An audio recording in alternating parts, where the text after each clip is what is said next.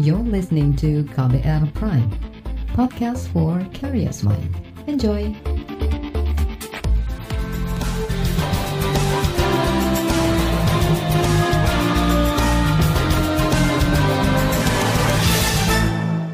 Halo selamat sore saudara, apa kabar Anda sore hari ini? Kembali KBR Sore siap untuk menjadi teman Anda beraktivitas hari ini di tanggal 12 Januari 2022. Dan seperti biasa, selama kurang lebih 30 menit ke depan, saya Reski Mesanto yang akan menjadi teman Anda. Sore ini saya mau ajak Anda untuk membahas program vaksinasi COVID-19 dosis ketiga atau vaksin booster bagi masyarakat umum. Pemerintah resmi memulai program vaksinasi booster hari ini. Vaksinasi booster akan diberikan gratis dan diutamakan ke kalangan lansia dan kelompok rentan. Bagaimana pemerintah daerah menyiapkan program ini dan bagaimana juga pengawasan pelaksanaan di lapangan? Kita bahas selengkapnya sore hari ini di KBR Sore. Saudara Presiden Joko Widodo memastikan pemberian vaksin booster gratis bagi semua masyarakat. Presiden mengatakan vaksin booster diberikan untuk meningkatkan kekebalan masyarakat dalam menangkal dampak infeksi COVID-19. Berikut pernyataan Presiden Joko Widodo. Upaya ini penting dilakukan untuk meningkatkan kekebalan tubuh masyarakat, mengingat virus COVID-19 yang terus bermutasi. Untuk itu, saya telah memutuskan pemberian vaksin ketiga ini gratis bagi seluruh masyarakat Indonesia. Karena sekali lagi saya tegaskan bahwa keselamatan rakyat adalah yang utama. Adapun syarat dan ketentuan yang dibutuhkan untuk menerima vaksinasi ketiga ini adalah calon penerima sudah menerima vaksin COVID-19 dosis kedua lebih dari enam bulan sebelumnya. Meski sudah divaksin, saya mengingatkan masyarakat untuk tetap disiplin dalam menjalankan protokol kesehatan, memakai masker, menjaga jarak, dan mencuci tangan. Karena vaksinasi dan disiplin protokol kesehatan merupakan kunci dalam mengatasi pandemi COVID-19. Saudara itu tadi Presiden Joko Widodo. Sementara itu pemerintah menjamin stok vaksin COVID-19 cukup untuk program vaksin booster. Menteri Kesehatan Budi Gunadi Sadikin mengatakan, booster akan diberikan dari kombinasi merek vaksin yang telah disetujui dan mendapat izin dari Badan Pengawas Obat dan Makanan atau BPOM. Pemerintah akan memberikan vaksinasi booster dengan mempertimbangkan ketersediaan vaksin yang ada di tahun ini karena jenisnya akan berbeda dengan ketersediaan vaksin di tahun lalu dan kita juga mempertimbangkan hasil riset yang dilakukan oleh peneliti-peneliti dalam negeri maupun luar negeri. Kombinasi vaksinasi booster yang akan diberikan mulai tanggal 12 yang nantinya mungkin akan bisa bertambah jenis kombinasinya. Yang pertama untuk vaksin primer Sinovac atau vaksin pertama dan kedua Sinovac kita akan berikan vaksin boosternya setengah dosis Pfizer. Rezim yang kedua adalah untuk vaksin primer Sinovac, jadi vaksin pertama dan kedua Sinovac akan kita berikan booster setengah dosis AstraZeneca. Alternatif ketiga untuk vaksin primer AstraZeneca, jadi dua kali AstraZeneca, kita akan berikan vaksin boosternya setengah dosis Moderna. Menteri Kesehatan Budi Gunadi Sadikin menambahkan, vaksinasi booster akan dilakukan di puskesmas, rumah sakit milik pemerintah, dan rumah sakit daerah. Di lain sisi, pemerintah juga memperbolehkan perusahaan swasta menggelar vaksinasi booster bagi karyawannya melalui program vaksinasi gotong royong. Saudara kelompok lansia yang sudah divaksin dosis 2 minimal setelah 6 bulan bisa langsung datang ke fasilitas kesehatan terdekat untuk menerima dosis ketiga. Juru bicara vaksinasi COVID-19 dari Kementerian Kesehatan Siti Nadia Tarmizi mengatakan, Masyarakat bisa mengecek status vaksinasi booster di aplikasi Peduli Lindungi. Ya, pertama untuk lansia kita sudah siapkan kemudahannya di Peduli Lindungi dengan mencek tiket vaksinasi di tentunya profil tiket ataupun mencek uh, riwayat dan status vaksinasi untuk memastikan apakah kita uh, sudah uh, terdaftar ya sebagai sasaran untuk vaksinasi COVID-19. Nah, kalau kita sudah terdaftar, silakan datang saja langsung ke puskesmas atau rumah sakit terdekat untuk kemudian mendapatkan layanan vaksinasi vaksinasi ini. Tapi jangan lupa bawa NIK ataupun kartu vaksinasi baik elektronik maupun kartu vaksinasi yang manual yang mungkin dipunyai ya. Ini juga sekaligus tadi saya uh, lupa merespon mengenai bagaimana mencek tiket maupun uh, registrasi itu bisa dicek di aplikasi Peduli Lindungi. Tapi kalau kita tidak uh, terdaftar di sana sebagai lansia atau orang yang memiliki komorbid, silakan datang langsung saja ke fasilitas pelayanan kesehatan. Siti Nadia Tarmizi mengklaim pemerintah juga akan tetap mempercepat cakupan vaksinasi dosis 1 dan 2 sebab ada sejumlah daerah yang cakupan dosis primer masih rendah. Dan hingga siang tadi cakupan vaksinasi untuk dosis pertama mencapai 82 persen sedangkan dosis kedua 56 persen. Untuk kelompok lansia, cakupan vaksinasi dosis pertama sebanyak 68 persen, sedangkan dosis kedua bagi lansia sebanyak 44 persen atau setara 9,5 juta orang.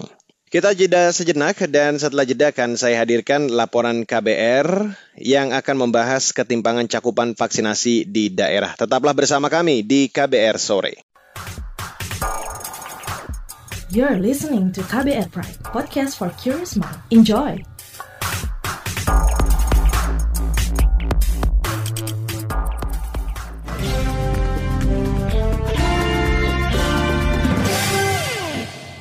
Saudara, sejak vaksinasi COVID-19 digelar pertengahan Januari tahun lalu, capaian vaksinasi masih belum mencapai 100% dari sasaran vaksinasi COVID-19. Capaian vaksinasi di daerah juga belum merata dan timpang. Misalnya, Papua dan Papua Barat masih jauh tertinggal dibanding daerah lain. Padahal di daerah lain sudah dimulai program vaksinasi untuk anak 6 hingga 11 tahun dan vaksin booster. Apa sebabnya? Kita temukan jawabannya di laporan khas KBR yang disusun Astri Yuwanasari. Pemerintah mengklaim terus berupaya mempercepat capaian vaksinasi COVID-19 di setiap daerah, sebab saat ini masih ada lima provinsi yang belum mencapai target vaksinasi 70 persen untuk dosis pertama. Padahal pada 13 Januari, tepat setahun Indonesia melakukan program vaksinasi. Data vaksinasi dari Kementerian Kesehatan menunjukkan capaian vaksinasi dosis pertama sudah mencapai lebih dari 82 persen, sedangkan dosis kedua baru 56 persen lebih dari total target sasaran yakni 208 juta jiwa penduduk. Menteri Kesehatan Budi Gunadi Sadikin. Dan khusus untuk vaksinasi ini sudah hampir semua provinsi mencapai 70 persen. Yang minggu lalu masuk adalah Provinsi Aceh, selamat untuk Provinsi Aceh dan Provinsi Kalimantan Barat. Tinggal ada lima provinsi lagi yang belum mencapai 70 persen. Suntik pertama adalah Sumatera Barat, Sulawesi Barat, Maluku, Papua Barat, dan Papua. Dari data nasional vaksinasi tersebut masih ada daerah yang capaian vaksinasi dosis pertamanya masih di bawah 50 persen, yakni Provinsi Papua. Perselasa kemarin vaksinasi dosis pertama di provinsi paling timur tersebut hanya 29 persen.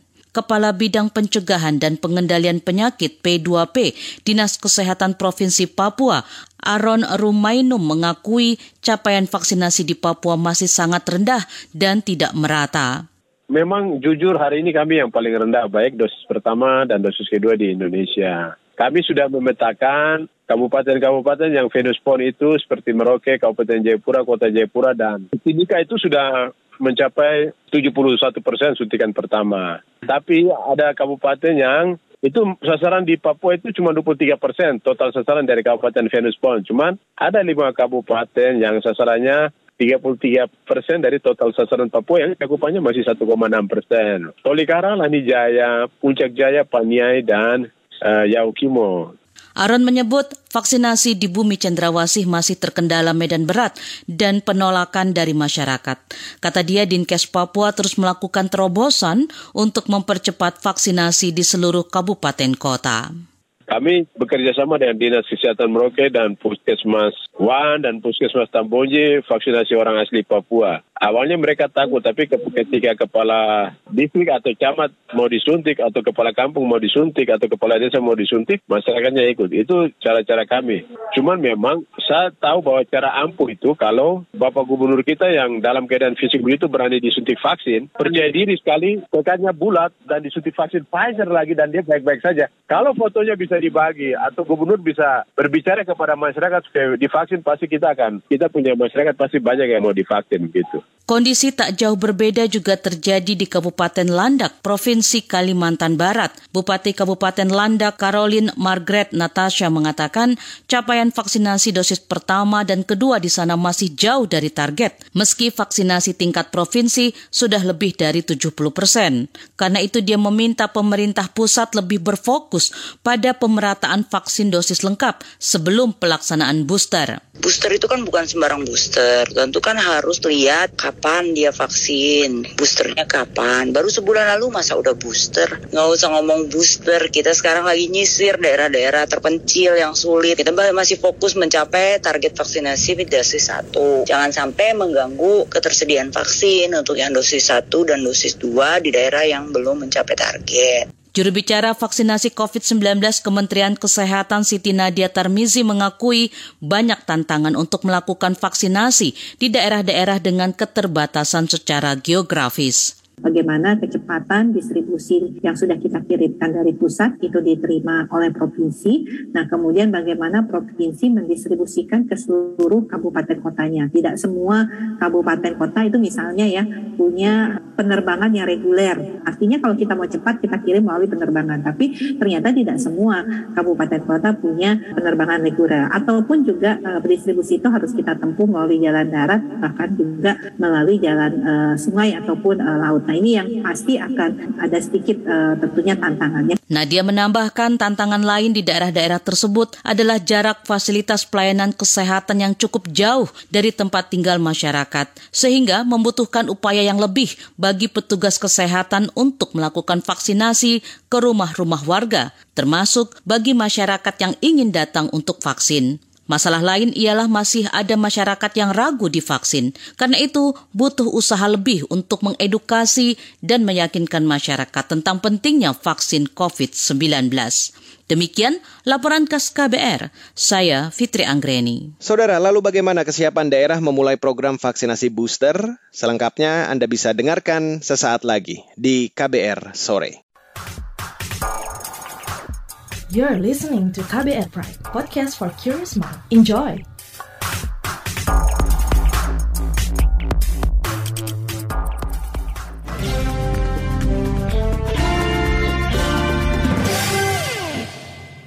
Saudara, sejumlah daerah memulai program vaksinasi booster untuk masyarakat umum hari ini. Salah satunya DKI Jakarta. Kepala Bidang Pencegahan dan Pengendalian Penyakit di Dinas Kesehatan Jakarta, Dwi Oktavia, mengatakan puskesmas di ibu kota mulai melayani penyuntikan vaksin dosis ketiga. Salah satu vaskes yang mulai program tersebut yakni Puskesmas Keramat Jati. Hingga siang tadi, penerima vaksin booster sudah melebihi target 100 orang. Wakil Gubernur DKI Jakarta Ahmad Riza Patria menyebut, pemerintah pusat telah menjamin ketersediaan vaksin tambahan untuk program booster. Terkait vaksin booster, memang keterangan dari Kementerian Kesehatan dapat dimulai Rabu 12 Januari 2022 akan diberikan secara gratis ya minimal 6 bulan setelah vaksin dosis yang kedua. Prioritasnya kepada lansia dan kelompok rentan ya ini sebagai komitmen pemerintah pusat pemerintah daerah untuk kepentingan masyarakat ya termasuk varian-variannya ya. Saudara itu tadi Wakil Gubernur Jakarta Riza Patria. Sementara di provinsi lain yang memulai vaksinasi booster adalah Jawa Timur. Gubernur Kofifa Indar Parawansa menyebut beberapa kabupaten kota di provinsinya sudah mulai menggelar vaksinasi booster seperti Surabaya, Sidoarjo, Gresik, Lamongan, dan Banyuwangi. Hari ini tetap kita harus lakukan percepatan vaksinasi terutama untuk lansia. Kemudian mereka yang ada di layanan-layanan lini terdepan, pelayanan-pelayanan publik, dan jangan lupa untuk remaja karena memang untuk SMA, SMK sudah PTM.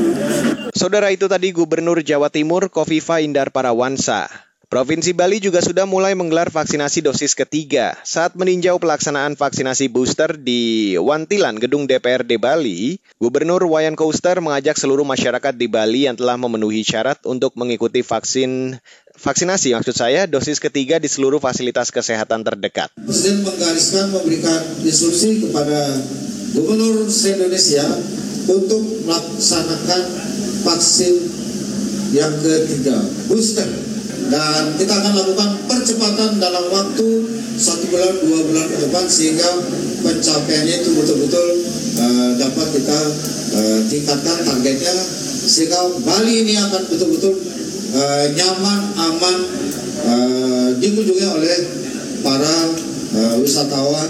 Saudara itu tadi Gubernur Bali Wayan Kauster. Pemerintah kabupaten kota juga langsung tancap gas memulai program vaksinasi booster.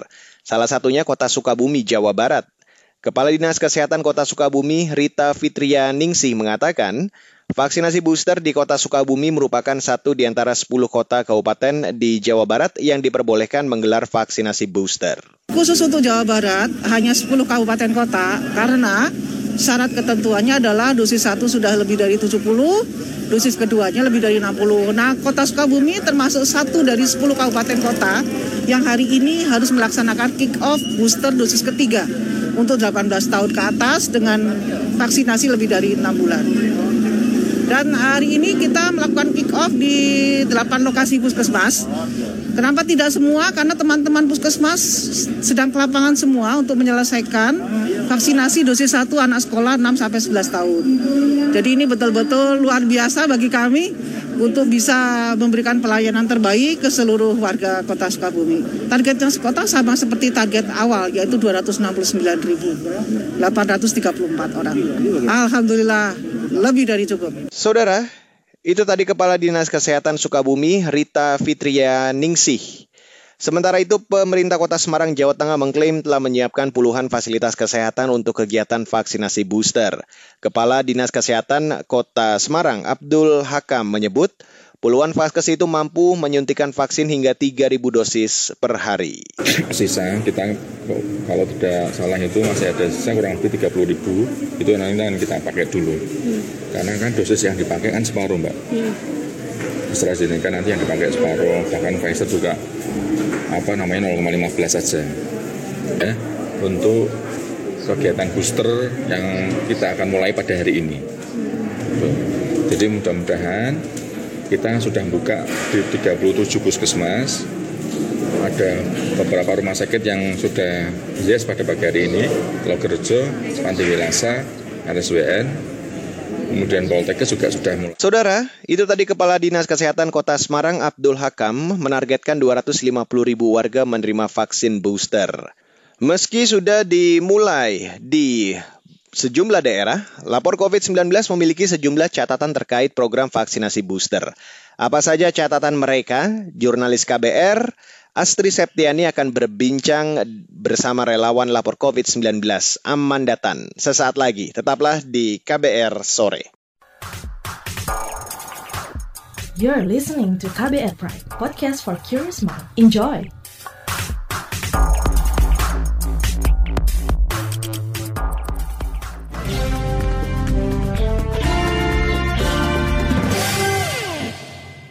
Saudara, kelompok masyarakat sipil meminta kegiatan vaksinasi dosis ketiga atau booster oleh pemerintah tidak menghambat program vaksinasi dosis 1 dan 2.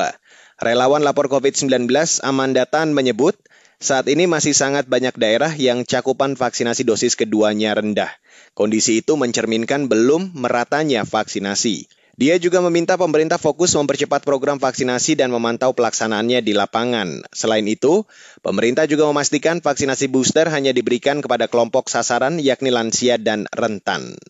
Dan jurnalis KBR Astri Septiani berkesempatan untuk berbincang bersama relawan lapor COVID-19 Amandatan yang akan membahas masalah ini. Mbak, ini kan program vaksinasi booster sudah dimulai begitu hari ini. Meski begitu ada di beberapa daerah yang cakupan vaksinasi dosis 1 dan 2 yang masih rendah. Begitu pula dengan uh, yang untuk lansianya begitu. Bagaimana pendapat dan juga catatan lapor COVID mengenai hal ini? Memang dari awal sejak uh, pemerintah sudah mencantangkan vaksin booster, calling kami dua mbak. Pertama adalah penundaan vaksin booster hingga 70 sampai 80 persen uh, masyarakat sudah divaksinasi dan itu artinya adalah seluruh wilayah di Indonesia khususnya dengan tingkat infeksi yang tinggi sudah mendapatkan vaksinasi. Tapi kan uh, di dashboard uh, vaksin Kemenkes itu menunjukkan bahwa hanya empat provinsi yang baru mencapai 70 persen dosis penuhnya ya mbak. Sedangkan masih ada 30 provinsi lainnya yang masih di bawah yang masih di kisaran 55 persen. Vaksinasi untuk lansia masih sangat rendah cakupannya, masih sekitar 44 persen. Mbak, kemudian permasalahan apa aja sih atau laporan apa saja yang sering diterima lapor COVID begitu di lapangan terkait vaksinasi? Jadi kalau soal pendataan Mbak, itu sebenarnya masifnya tuh pada tahun lalu ya Mbak. Pada tahun lalu di bulan di awal-awal hingga tengah bulan gitu. Uh, kemudian uh, muncul uh, masalah lain itu sertifikat vaksin yang nggak muncul gitu ya karena NIK terpakai. Tapi pendataan ini bisa dibilang menjadi topik yang sesekali muncul gitu ya Mbak di, di, di, di selama tahun 2021. Uh, ada uh, apa ya uh, ada keserampangan dalam pelaksanaan karena administrasi yang buruk itu mbak gitu. Kalau nggak salah tuh di bulan sebelum November mbak, saya lupa bulan berapa. Uh, saat itu memang saat itu memang hampir semua kepala daerah meneriak gitu ya teriak ke media bahwa vaksin habis dan itu juga masuk ke kanal laporan kami bahwa vaksin habis stoknya dan tidak mereka tidak bisa mendapatkan uh, vaksin. Kemudian lalu kemudian di bulan November kami mendapatkan adanya laporan warga yang tidak mendapatkan vaksin kedua dengan merek jenis yang sama. Jadi adanya stok vaksin yang habis dengan merek dengan jenis yang sama dengan dosis pertama gitu. Dan mereka tidak mungkin mencampurkan kan ya Mbak ya. Jadi mereka uh, bingung gitu ke mana harus mencari vaksin dengan dosis yang sama dengan dosis pertama mereka kayak gitu sih Mbak. Dan laporan yang paling baik kedua adalah soal vaksin booster yang diberikan kepada, kepada non-nakes uh, pada tahun 2021. Mbak, meskipun teman-teman koalisi kan menginginkannya agar ditunda begitu vaksin booster, namun ini kan sudah berjalan ya. Lalu apa yang bisa jadi saran dan rekomendasi begitu kepada pemerintah terkait pengawasan dan juga implementasi vaksinasi booster ini? Dan juga untuk memastikan program prioritas dosis 1 dan 2 tetap dipercepat gitu dan juga pemerataan bagi seluruh masyarakat kami juga menaikkan ini kepada Kemenkes Mbak ya, bagaimana uh, mereka akan memastikan keadilan vaksin di tengah dosis satu dan dua yang masih belum selesai gitu.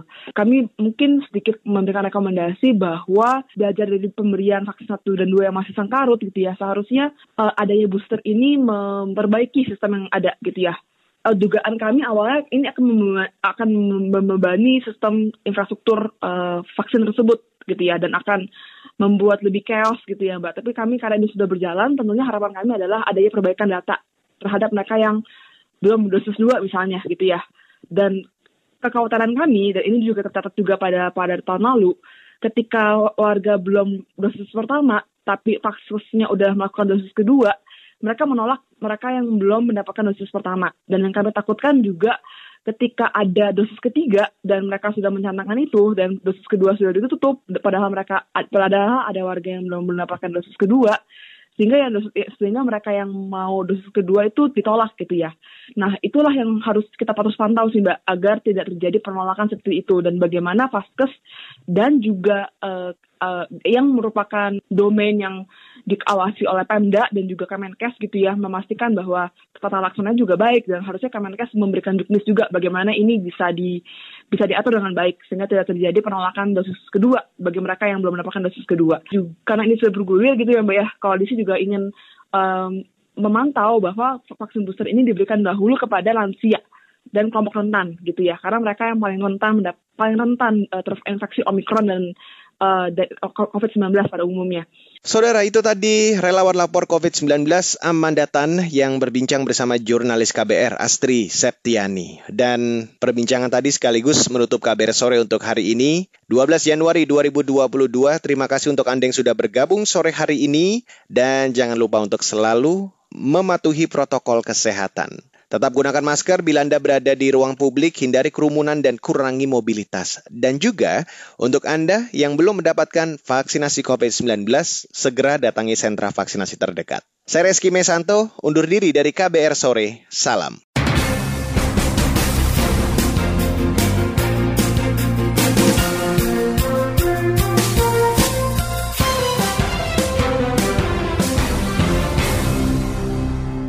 KBR Prime, cara asik mendengar berita. KBR Prime, podcast for curious mind.